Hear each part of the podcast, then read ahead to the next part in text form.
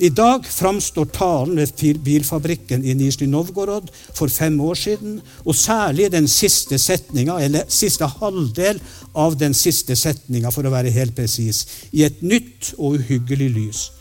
Jeg tenker på Russland vil bare gå framover, og i denne bevegelsen framover vil ingen noensinne kunne stanse oss. Hva annet er det Putin framfører her enn en halvkveda vise om at det finnes et onde i verden som ønsker å stanse det fremadskridende Russland. En ytre fiende som truer land og folk, men som vi, altså talentfulle, målbevisste, patriotiske, energiske og effektive som vi er, med felles innsats skal vite å stanse. Vi er russere, vi er Volgas barn, skriver den russiske poeten Jevgenij Jevtusjenko i et av sine dikt. Hva er det som har fått russerne til å se på den lengste elva i Europa som sin mor, Volga Matushka? Høsten 2021 samla forfatter Geir Pollen sine inntrykk og opplevelser i boka 'Volga en russisk reise'. Pollen bodde og arbeidet i Russland fra 2007 til 2020, og farta årlig på og langs den 3685 km lange elva, fra kilden i nordvest for Moskva og ned til munningen i Kaspihavet. Geir Pollen var gjest på Sølvberget våren 2022. Naturlig nok snakker han òg en hel del om den russiske invasjonen av Ukraina, og de historiske parallellene han ser i den forbindelse. Eh, jeg fikk jo denne invitasjonen til å komme til Sølvberget den 14. februar. Eh, og jeg sa ja med det samme. Ti dager etter så, så verden Europa sånn ut at jeg ble plutselig veldig i tvil om jeg i det hele tatt orka å komme og snakke om et tema som Russland og det russiske. Men jeg bestemte meg for jeg kommer, og Linn var glad for det, og jeg sjøl er veldig glad for å være her. Grunnleggende sett blir dette et gammeldags foredrag. Jeg er grunnleggende sett en gammeldags mann og holder egentlig stort sett bare gammeldagse foredrag. Men eh, stort sett så i og med at det er ei lang elv vi skal snakke om, så har jeg tatt med noen, noen, ganske få bilder, forhåpentligvis ikke så mange at dere blir veldig distrahert av de. Dette er et kart nok med russisk med russiske skrift som viser Volga fra kilden og ned til Kaspihavet. Bare så dere får en forestilling om hvor hen den renner i Europa. Det er et velkjent ord som sier at veien blir til mens du går. For den elva jeg skal snakke om i formiddag, gjelder det at den blir til mens den renner.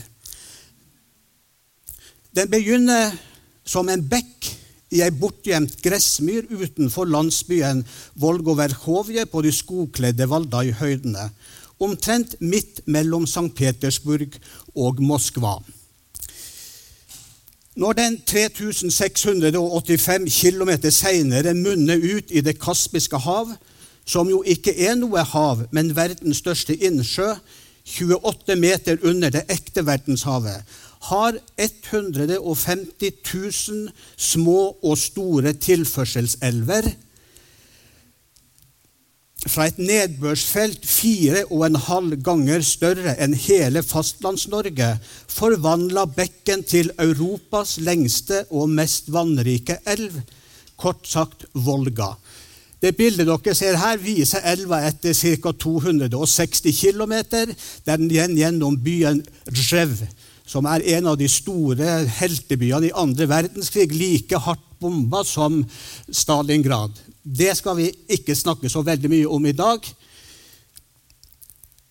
Enda noen mil lenger ned mot Kaspihavet ser elva sånn ut. Den er blitt et hav. Reiser du nedover den for, denne elva f.eks. en morgen i august vil du se en kø av ruvende tank- og containerskip, bulkskip og lektere, lasta med alt man kan forestille seg av vanngående last. Olje, korn, biler, sand, pukk, kalk, salt, rundtømmer, trelast, skrapjern og kull. Innimellom lyser små, hvite cruiseskip fortrinnsvis med litterære navn som Maksim Gorkij, Anton Tsjekhov, Lev Talstoj, Mikhail Bulgakov, men også Juri Gagarin, verdens første romfarer. Bitte små gummibåter med elektriske påhengsmotorer og innadvendte sportsfiskere om bord kan man også se konkurrere om plassene nærmere land. Det lever mellom 60 og 70 ulike fiskeslag i Volga. Omtrent halvparten av dem tilhører den store Karpe-familien. Og russiske menn har alltid elska å dra på fisketur. 3685 km, eller 3 685 000 meter. Det er litt lenger enn fram og tilbake Lindesnes-Nordkapp med fly, eller litt kortere enn samme strekning med bil. Ingen svipptur, altså.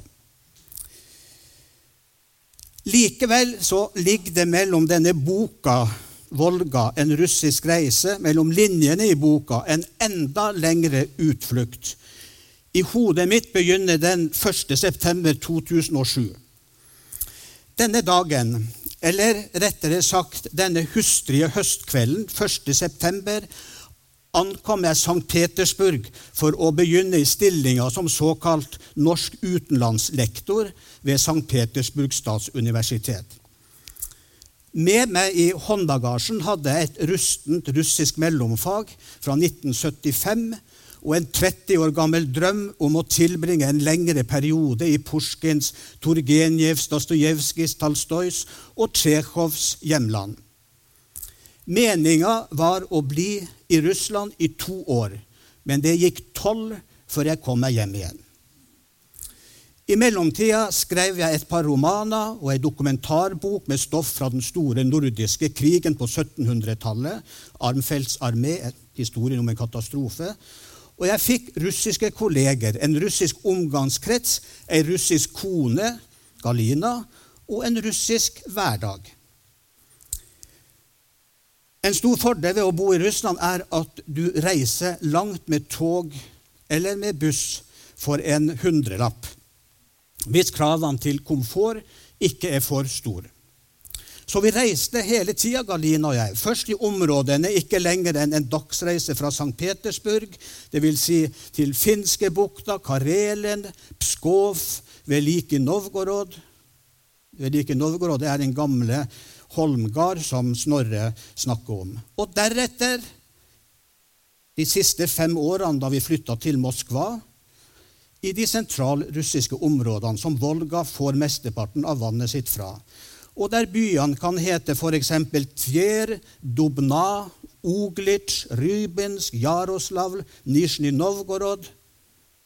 Seinere ble turene enda lengre, og til slutt, i 2018 og 2019, krona med to såkalte elvekrus, der vi også fikk oppleve sørligere byer som Kazan, Samara, Saratov, Volgograd og Astrakhan, den siste byen før Volgas vann flyter ut i Kaspihavet.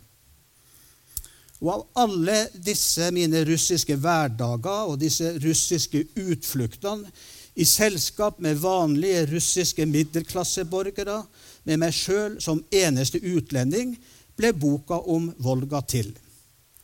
Jeg mener å ha god ryggdekning for undertittelen 'En russisk reise'. Det eneste som er norsk i den, er forfatteren selv. Volga er 800 km lenger enn den nest lengste elva i Europa, nemlig Donau.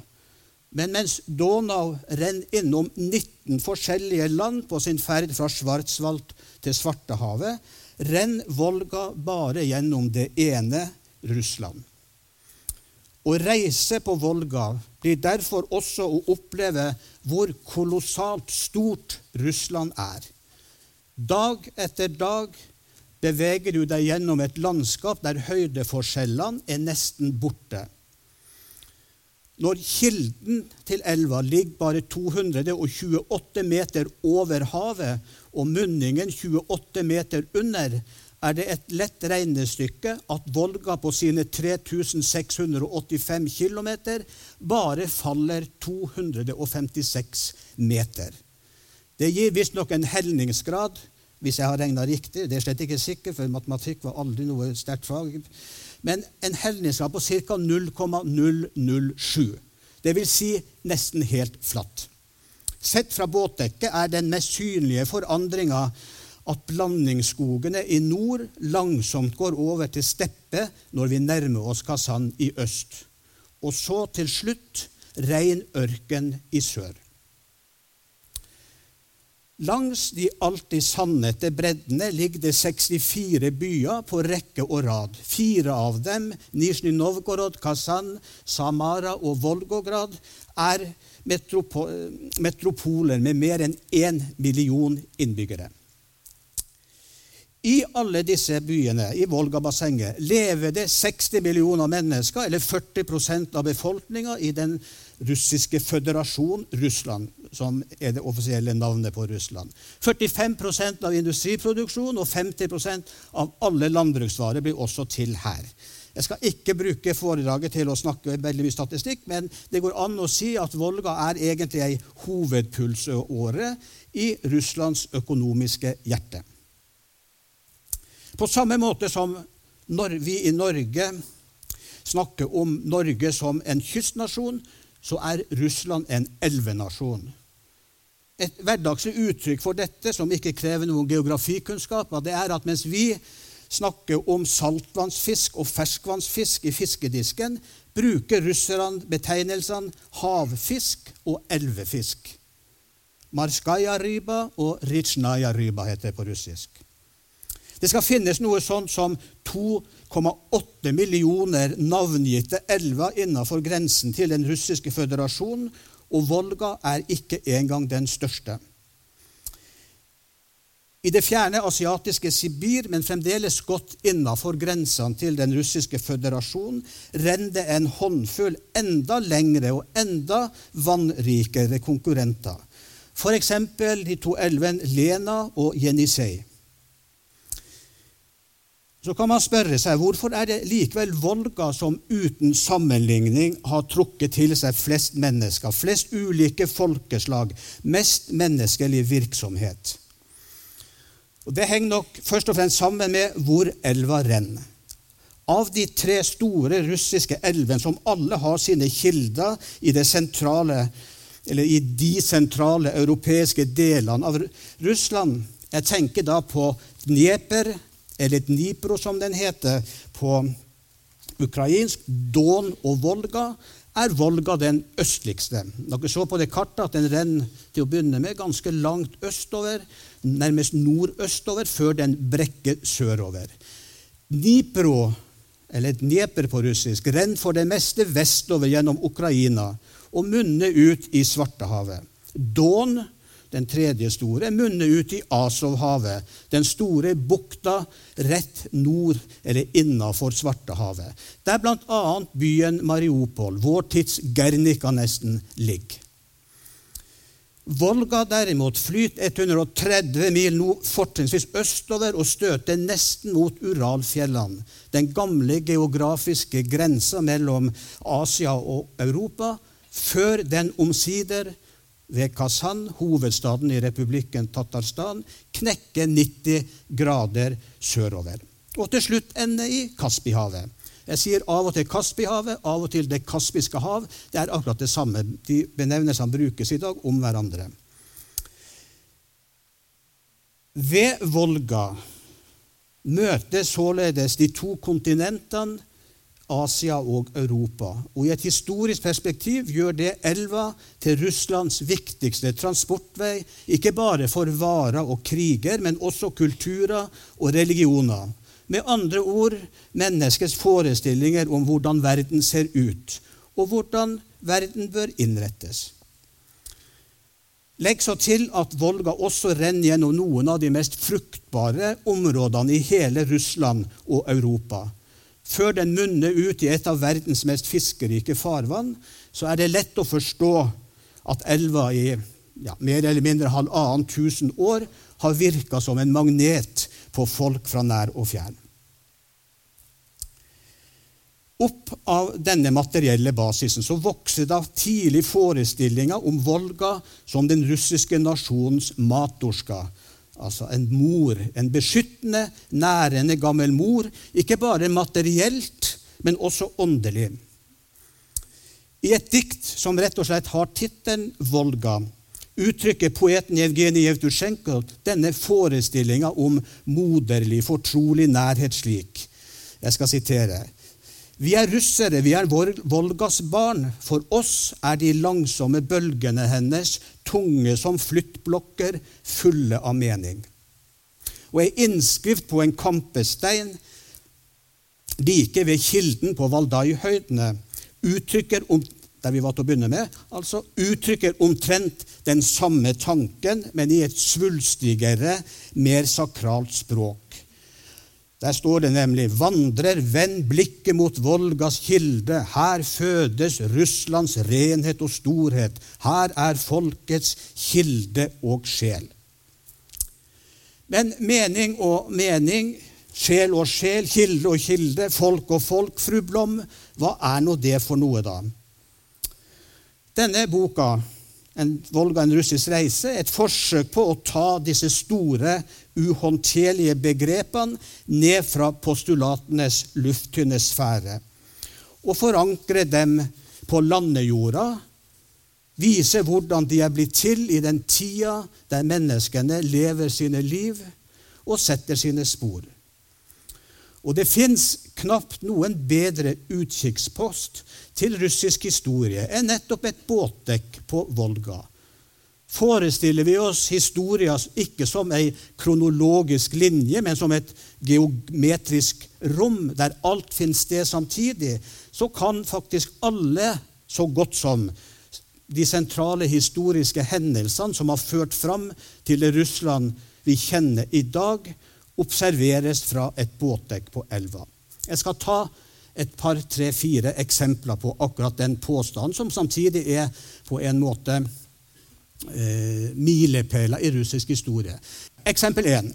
Til Volga er det de mongolske det var det jeg skulle si, rytterarmeene først når fram når de invaderer Russland i 1236 etter å ha kryssa grensen omtrent der Volgograd, tidligere Stalingrad, ligger i dag, så brenn og plyndrer Djengis Khans etterkommere seg systematisk nordover og vestover langs elva.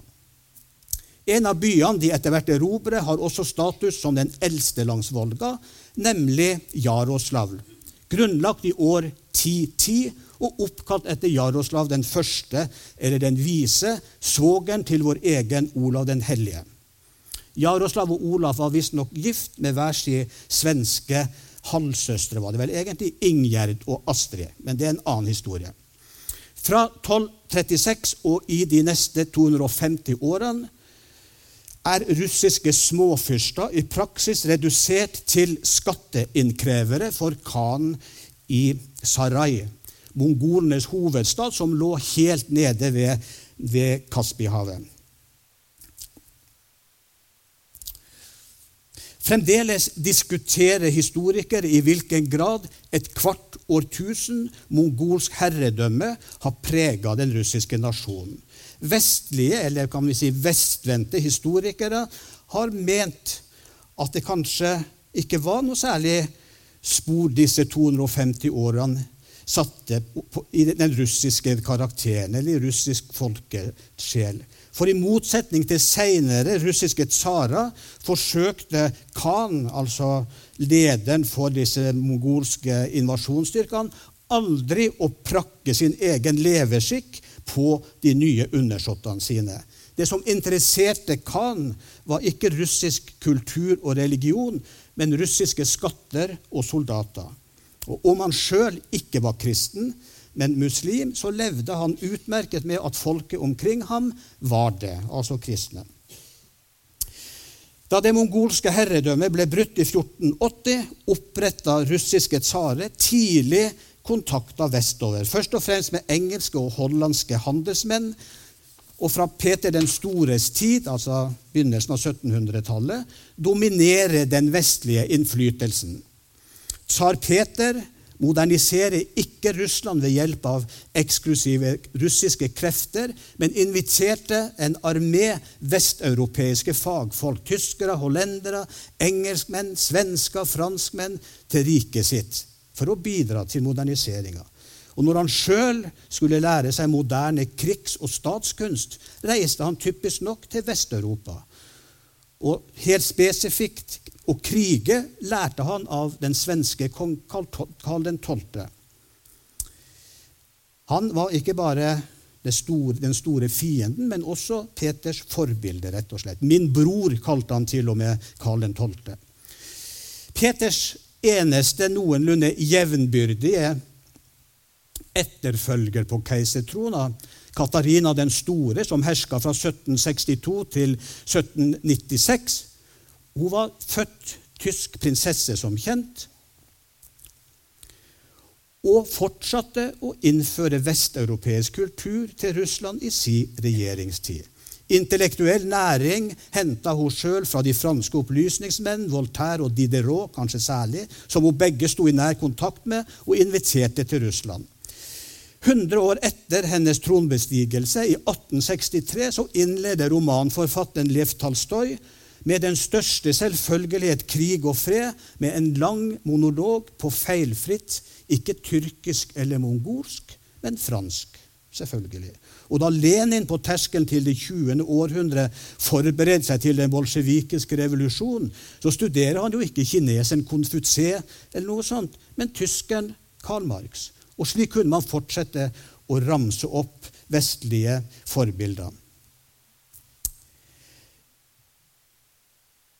Mens de par hundre årene under mongolsk, eller som russerne gjerne sier, tatarsk dominans, vanligvis er innskrevet som en lidelsestid, et åk i offisiell russisk historiefortelling, var det russiske antibolsjevikiske emigrantgruppa altså som flykta fra Russland når bolsjevikene kom til makta, som så på orienteringa mot Asia som et alternativ til den rasjonelle, den rasjonelle liberale Vesten. Man kaller de gjerne for aurasiere. Og I disse dager, mens krigen raser i Ukraina, så har dette spøkelset gjenoppstått i den russiske makteliten. Vi har hørt Medvedev, tidligere vikarierende president og statsminister for sjefen sjøl, Putin, fable offentlig om at Russland skal etablere et sitat, eurasiatisk rom fra Portugal til Vladivostok.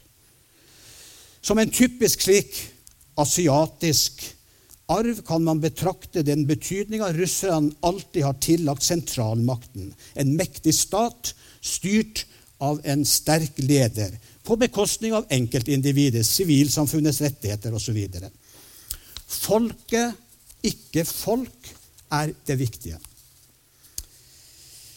I de 75 årene med sovjetstyre ble staten som kjent legitimert av den kommunistiske drømmen, men nå blir denne funksjonen igjen ivaretatt av den russisk-ortodokse kirka, slik den alltid ble det da tsaren og patriarken delte verden mellom seg bare overgått av Vår Herre selv. Historisk sett er altså dagens Putin-stat en typisk russisk stat. Sånn. Da er vi framme ved eksempel to. Dette er altså Nikolai 2. og hans kone eh, eh Alexandria. I 1913 bildet, da bildet er tatt, ankommer Russlands siste tsar, Nikolai 2., handelsbyen Kastrama i enden av Volgas øvre løp. Det er altså eksempel to. da. For å feire Romanov-dynastiets 300 år på den russiske trona.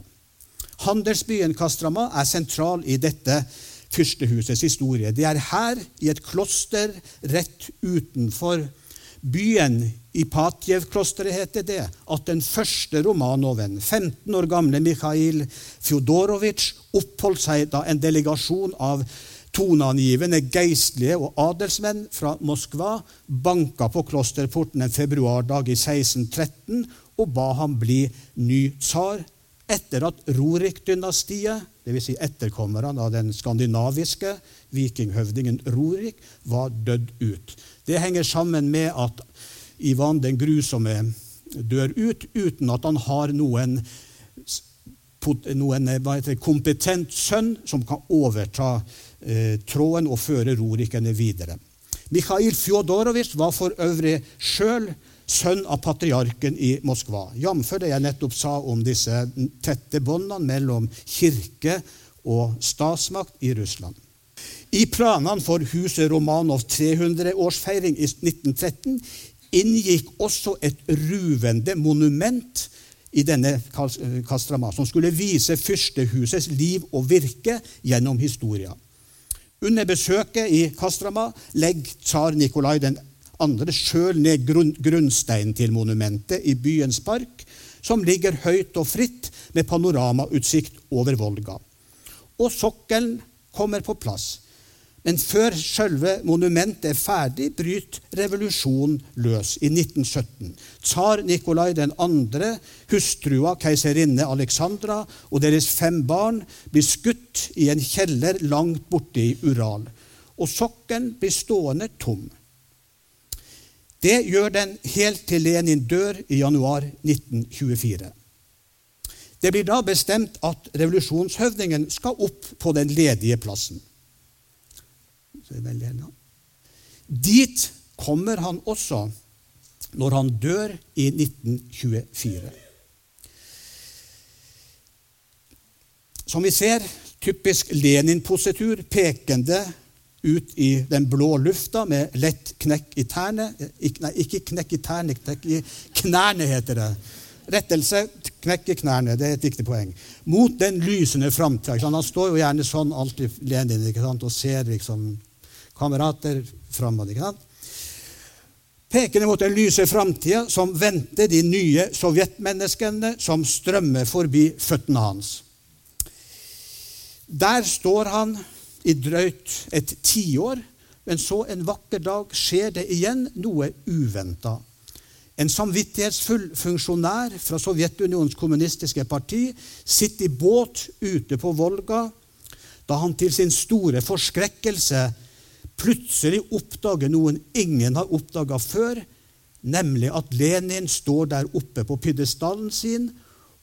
Lenin står der oppe på pidestallen sin, dere ser her, og peker rett mot byens, mot byens dom, tidligere domkirke, Maria Himmelfartskatedralen. En gang et kjent og kjært landemerke for reisende på Volga. Men på det minst passende lederen for en ateistisk revolusjon kan peke på, nemlig ei kirke. Gode råd er dyre. Lenin eller kirka må bort. Og da gir svaret seg sjøl. Kirka sprenges, og Lenin får stå der i parken og peke i fred. Så går det på nytt mange år. I august 2000 blir Nikolai 2. og familien hans erklært for martyrer og gjort til helgener altså kanonisert av den russisk-ortodokse kirka. Et par år før vi sjøl kom til Kastroma, er så Kirill, patriarken over Moskva og hele Russland, på besøk i byen og legger ned grunnsteinen til en ny Maria himmelfartskatedral, der den gamle sto. Det er den vi ser reise seg bak den heisekranen på bildet. Så kan man si at i ett monument samles 300 års russisk historie på en måte som verken Nikolai 2. eller Vladimir Lenin kunne ha forestilt seg på forhånd. Den første, altså Nikolai, rykker så å si tilbake til start, mens den andre får fortsette å peke, uten at noen bryr seg om hvor lenger. Det var det andre eksempelet med visse tekniske problemer. Vi går videre. Eksempel tre. Russland sett fra Volga. På den allrussiske sovjetkongressen i februar 1920 formulerer Lenin et av sine mest kjente fyndord. Kommunisme er lik sovjetmakt pluss elektrifisering av hele landet. Det var i 1920. Fire år seinere dør han sjøl, og det blir Stalin som omsetter sentensen til praktisk handling med Gulag-fanga som superbillig, uuttømmelig og ubegrensa mobil arbeidskraft bygges det fra midten av 1930-årene og til diktatoren dør i 1953, fem store kraftverk med demninger, sluser og enorme kunstige vannmagasiner i Volga. Det største av disse magasinene, Samara eller Shigoli-magasinet, er 17,5 ganger større enn Mjøsa. Og med det verdens tredje største kunstige innsjø. Sånn ser sluseporten ut eh, ved dette vannkraftverket, som for øvrig er bygd i byen Oglitz. Og legg merke til denne nærmest keiserlige stilen. Altså, det er jo ikke noe tvil om at dette, denne portalen her, som minner om, eh, om uh, triumfporten i, uh, i, Paris, nesten, er bygd for å vise på en måte kulturens, teknologiens triumf over naturen. Gjennom her seiler da skip nedover Volga og oppover Volga i et slusesystem som hever og senker vannet etter hvert hva du trenger, om du kommer opp eller ned.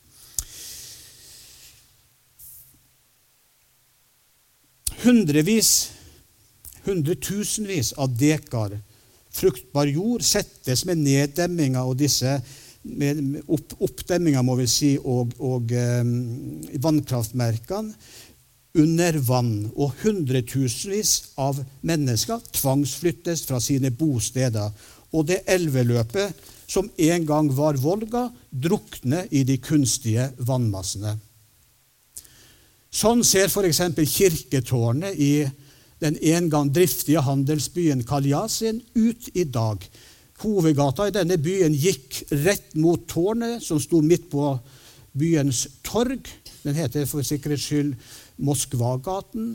Og hele dette anlegget, eller hele denne byen ligger i dag i praksis under på bunnen av Volga. Bare for å antyde dimensjonene. Seinere, fram til 1980-tallet, bygges det ytterligere tre-fire kraftverk. Og i dag vet bare historisk interesserte hydrologer og geografer nøyaktig hvor Volga egentlig rant en gang. Fra et strengt vitenskapelig synspunkt er Volga inga elv lenger, men en kaskade av vannmagasiner og kraftverk som drives uten naturlig rennende vann, uttaler en professor ved Institutt for Volgabassengets økologi i et intervju fra 2018 f.eks.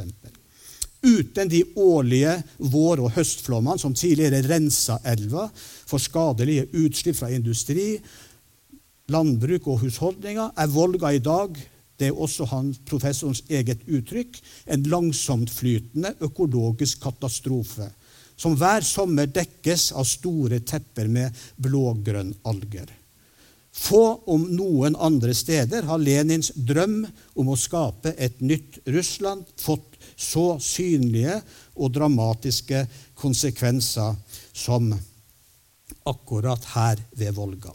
Turistguidene kan snakke så vakkert de vil om Matorska Volga, gamlemor Volga, men den elva som en gang ga opphav til morsmyten, eksisterer i dag bare i hodet til folk som nostalgi, fantasi, drøm. Og Likevel så synger russerne nå som før følelsesladet om donkosakken Stenkarasin, som kasta ei persisk prinsesse rett boms i Volga, som takk for alt denne elva har gitt ham.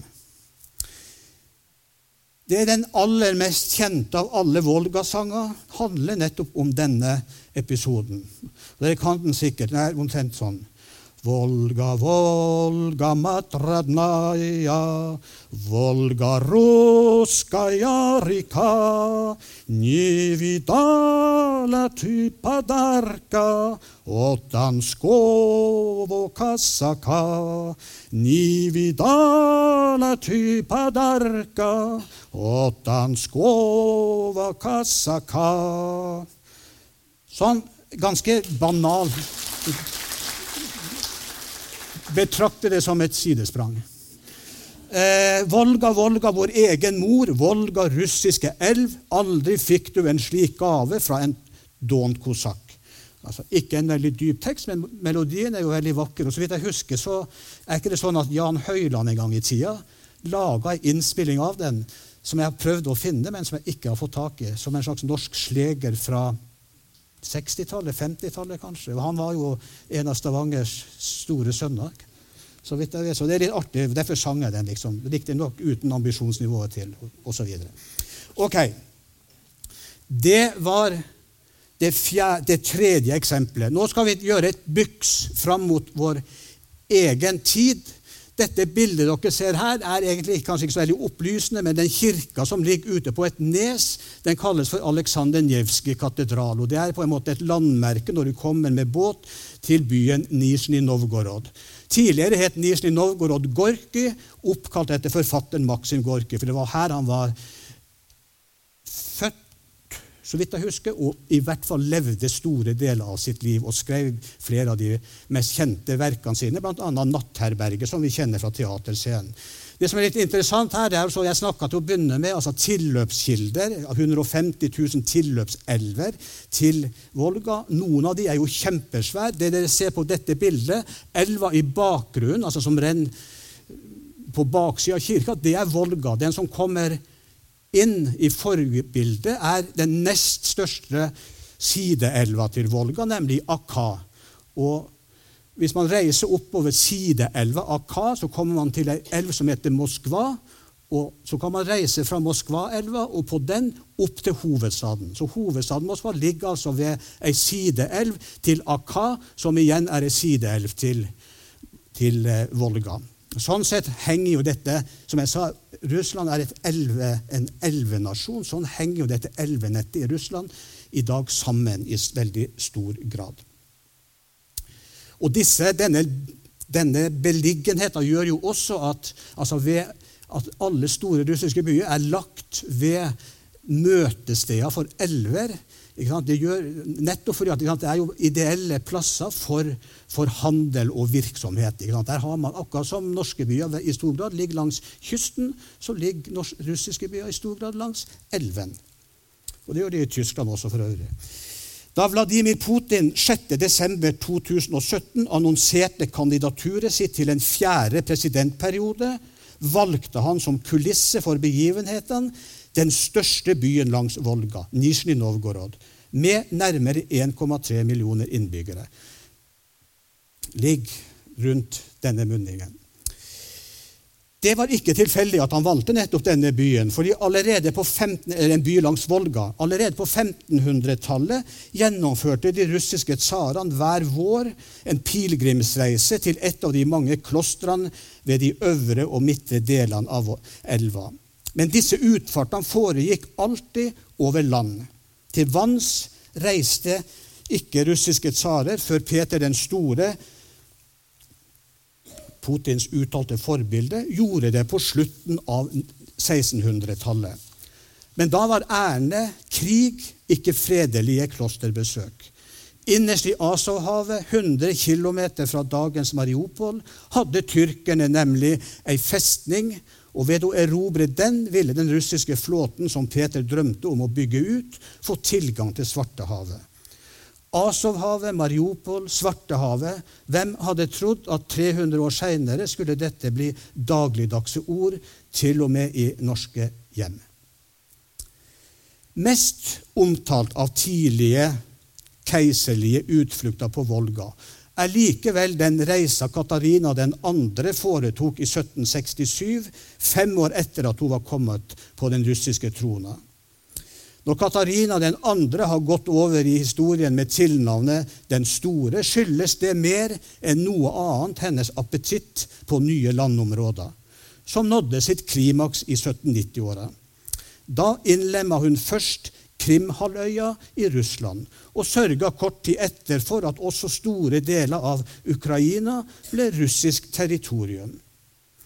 Igjen hører vi krigerske ekkoer runge gjennom århundrene.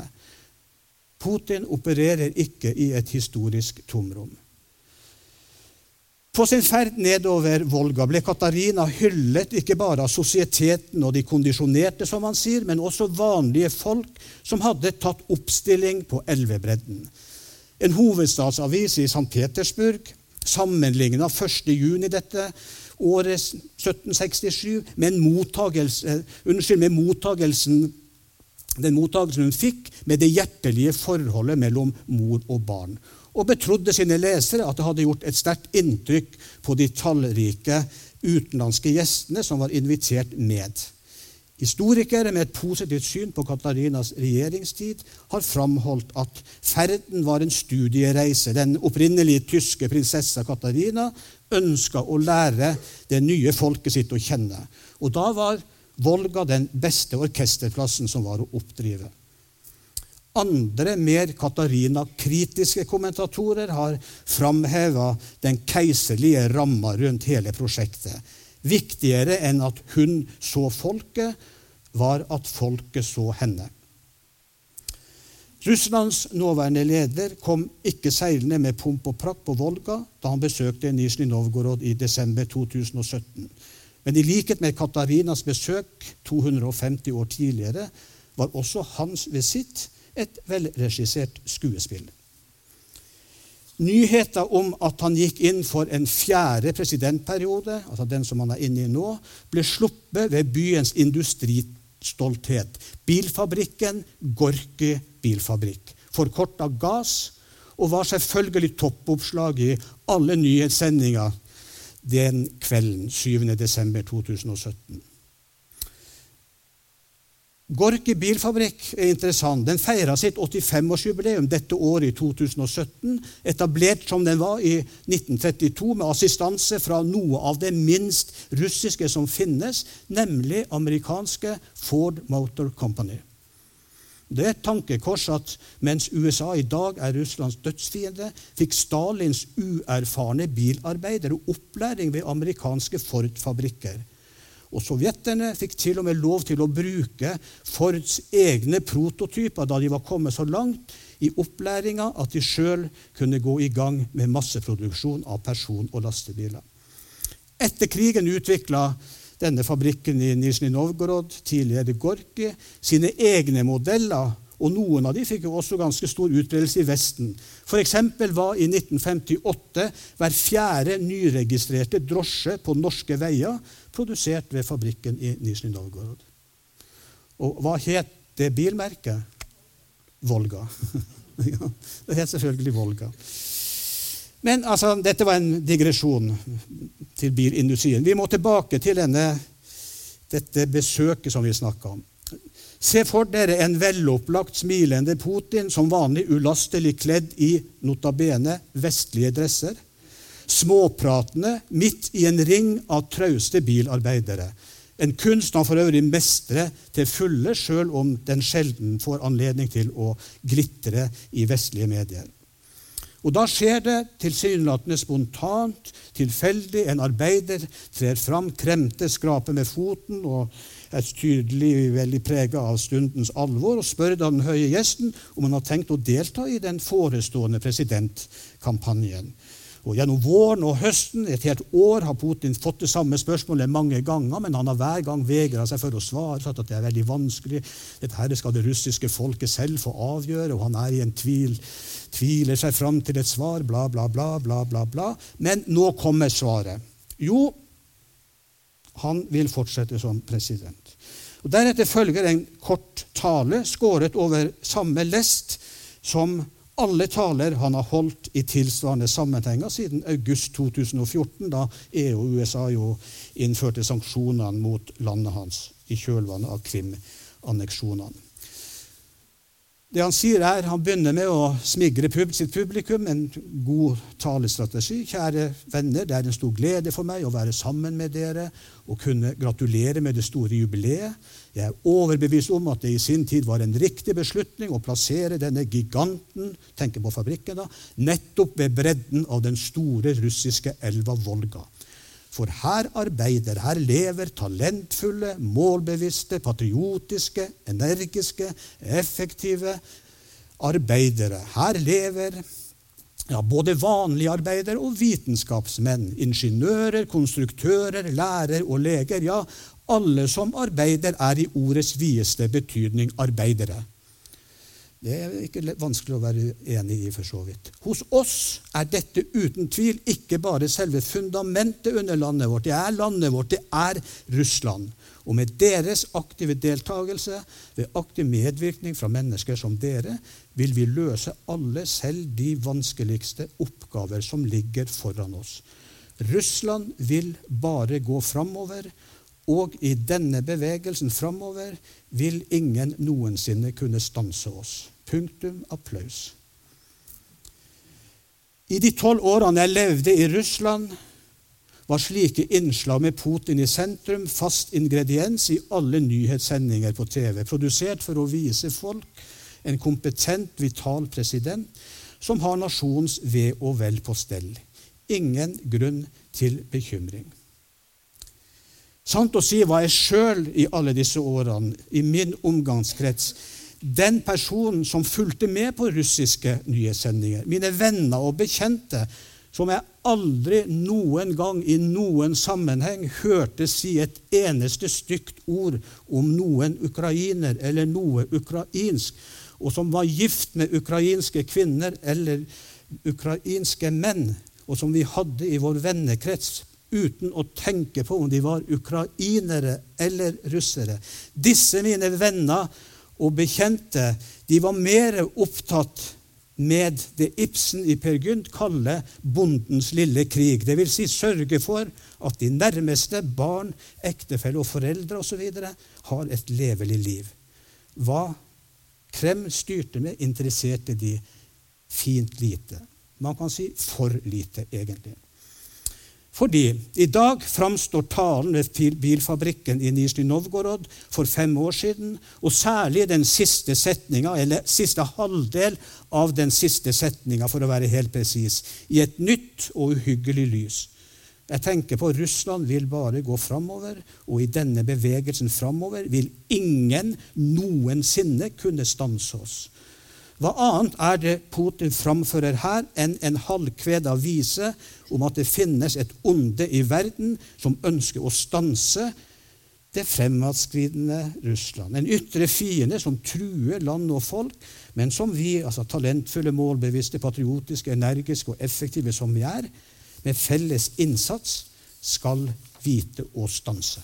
Overfallet på Ukraina om natta 24.2 er slik jeg ser det, denne retorikken, denne retorikken omsatt til praksis. En nasjonalisme som ikke er trygg på egne evner, men trenger å stives opp av en ytre fiende. Og med Russlands 27 millioner falne i krigen mot Nazi-Tyskland er ingen fiende mer samlende enn den som kan kalles nazist. Dette forklarer hvorfor Putins fantasi gjør Ukraina til et oppmarsjområde for et farlig Vesten, mens ukrainerne selv blir trylla om til nazister. Ok, Det ble en vending som dere hører, i foredraget. Jeg syns det var helt uunngåelig. Jeg skulle ønske at jeg kunne avslutta og kutta ut denne delen og avslutta med å ta dere med på en båttur i elvas munning, det labyrintiske det labyrintiske Volga-deltaet, der lotusplanten, plantenes mørkegrønne blader danner store, sammenhengende tepper som vadefugler kan spasere på. Mens rota til disse forunderlige plantene søker ned i slam og mudder på bunnen, streber stengelen opp gjennom det grumsete vannet, ofte både to og tre meter, for til slutt å krones i den vakreste blekroseblomst jeg vet om. Hos buddhistene er lotusen et hellig symbol på hvordan menneskelivet gjennom lidelse og forvirring og feilsteg stiger opp til enhet og harmoni i nirvana. Ingen vet sikkert hvordan lotusen havna i Volga-deltaet, men én teori går ut på at det er trekkfuglene som har ført den med seg når de vender tilbake fra vinterkvarterene sine i det tropiske eller subtropiske Asia. Lotusfrøene er nemlig ubegripelig hardfør og kan spire sjøl etter 100 år nede i mudderet. Og de vil selvfølgelig med den største letthet kunne overleve tusenvis av kilometer i tarmen på en stork eller hegre. Lotusen i Volgadeltaet er åpenbaringer av alt som er rent og godt og vakkert her i verden. Men i dag føles det likevel riktigere å stanse 500 km lenger opp i elva, i Volgograd, den sørligste delen unnskyld, den sørligste og siste av de fire millionbyene langs elva. I andre verdenskrig markerte Volga den grensen Nazi-Tyskland for enhver pris ikke måtte få krysse. Og slaget om elva sto, som dere vet, i denne byen som fram til 1961 het Stalingrad. Slaget varte i, fra august 1942 til februar 1943, og da våpnene stilnet, fantes ikke byen lenger. Bare et månelandskap av grus og aske. Men fienden, nazistene, var stansa. I den sovjetiske krigspropagandaen fikk elva og byen, Volga og Stalingrad, fra første stund en høyere betydning, gikk opp i en høyere enhet og ble selve Russland. Sårbart, men uovervinnelig. Vi opplever Volga som vårt fødested, selv om vi er født langt fra henne. I Moskva eller i Ural, skrev regjeringsorganet i Svestia den 16. september 1942. Og to måneder seinere fulgte avisa opp Sitat, Nå samler Volga alle stønn og skrik i seg, bærer dem gjennom hele landet og kaller oss til hevn. Og I ungkommunistenes avis Kamsomolskaja Pravda skrev en Røde armésoldat allerede 20. 20. august, tre dager før Ragnarok brøt løs. Sitat, Vi har ingen rett til å vike, våger ikke å slippe tyskerne fram til Volga. Den store russiske elva er hellig for oss, og den skal fortsette å være uplettet. Russland uten Volga er en kropp uten sjel. Restene av Stalingrad befinner seg i dag på det statlige museet for slaget ved Stalingrad. Som dere ser på bildet her, Der står det 'Stalingradskaja bitva', som betyr rett og slett slaget i Stalingrad. Den dette museet er uten tvil den fremste turistattraksjonen i det moderne, gjenoppbygde Volgograd. På toppen av museumsbygninga er det laga et 360 graders panorama som viser hvordan byen så ut 26. januar. Ja, jeg bare tar det. 26. januar eh, 1943. Da de, sovjetiske forsvarerne satte inn det endelige og avgjørende støtet mot general Friedrich Paulos sjette armé. Enkelte scener i dette panoramaet ligner til forveksling det utbombede Mariupol vi har sett på TV-skjermene i de siste uken. Med sine 450 000 innbyggere var denne ukrainske havne- og industribyen ved Azovhavet, altså Mariupol, omtrent like stor som Stalingrad var før andre verdenskrig. Men nå er også den lagt i grus og aske. Historikerne og statsviterne får sette det riktige navnet på det som skjer i Ukraina i dag, og på det regimet som står bak ødeleggelsesverket. Men folks visuelle hukommelse ser det som ligner. Den som ville denazifisere naboen, står selv igjen med nazimasken. Takk for oppmerksomheten.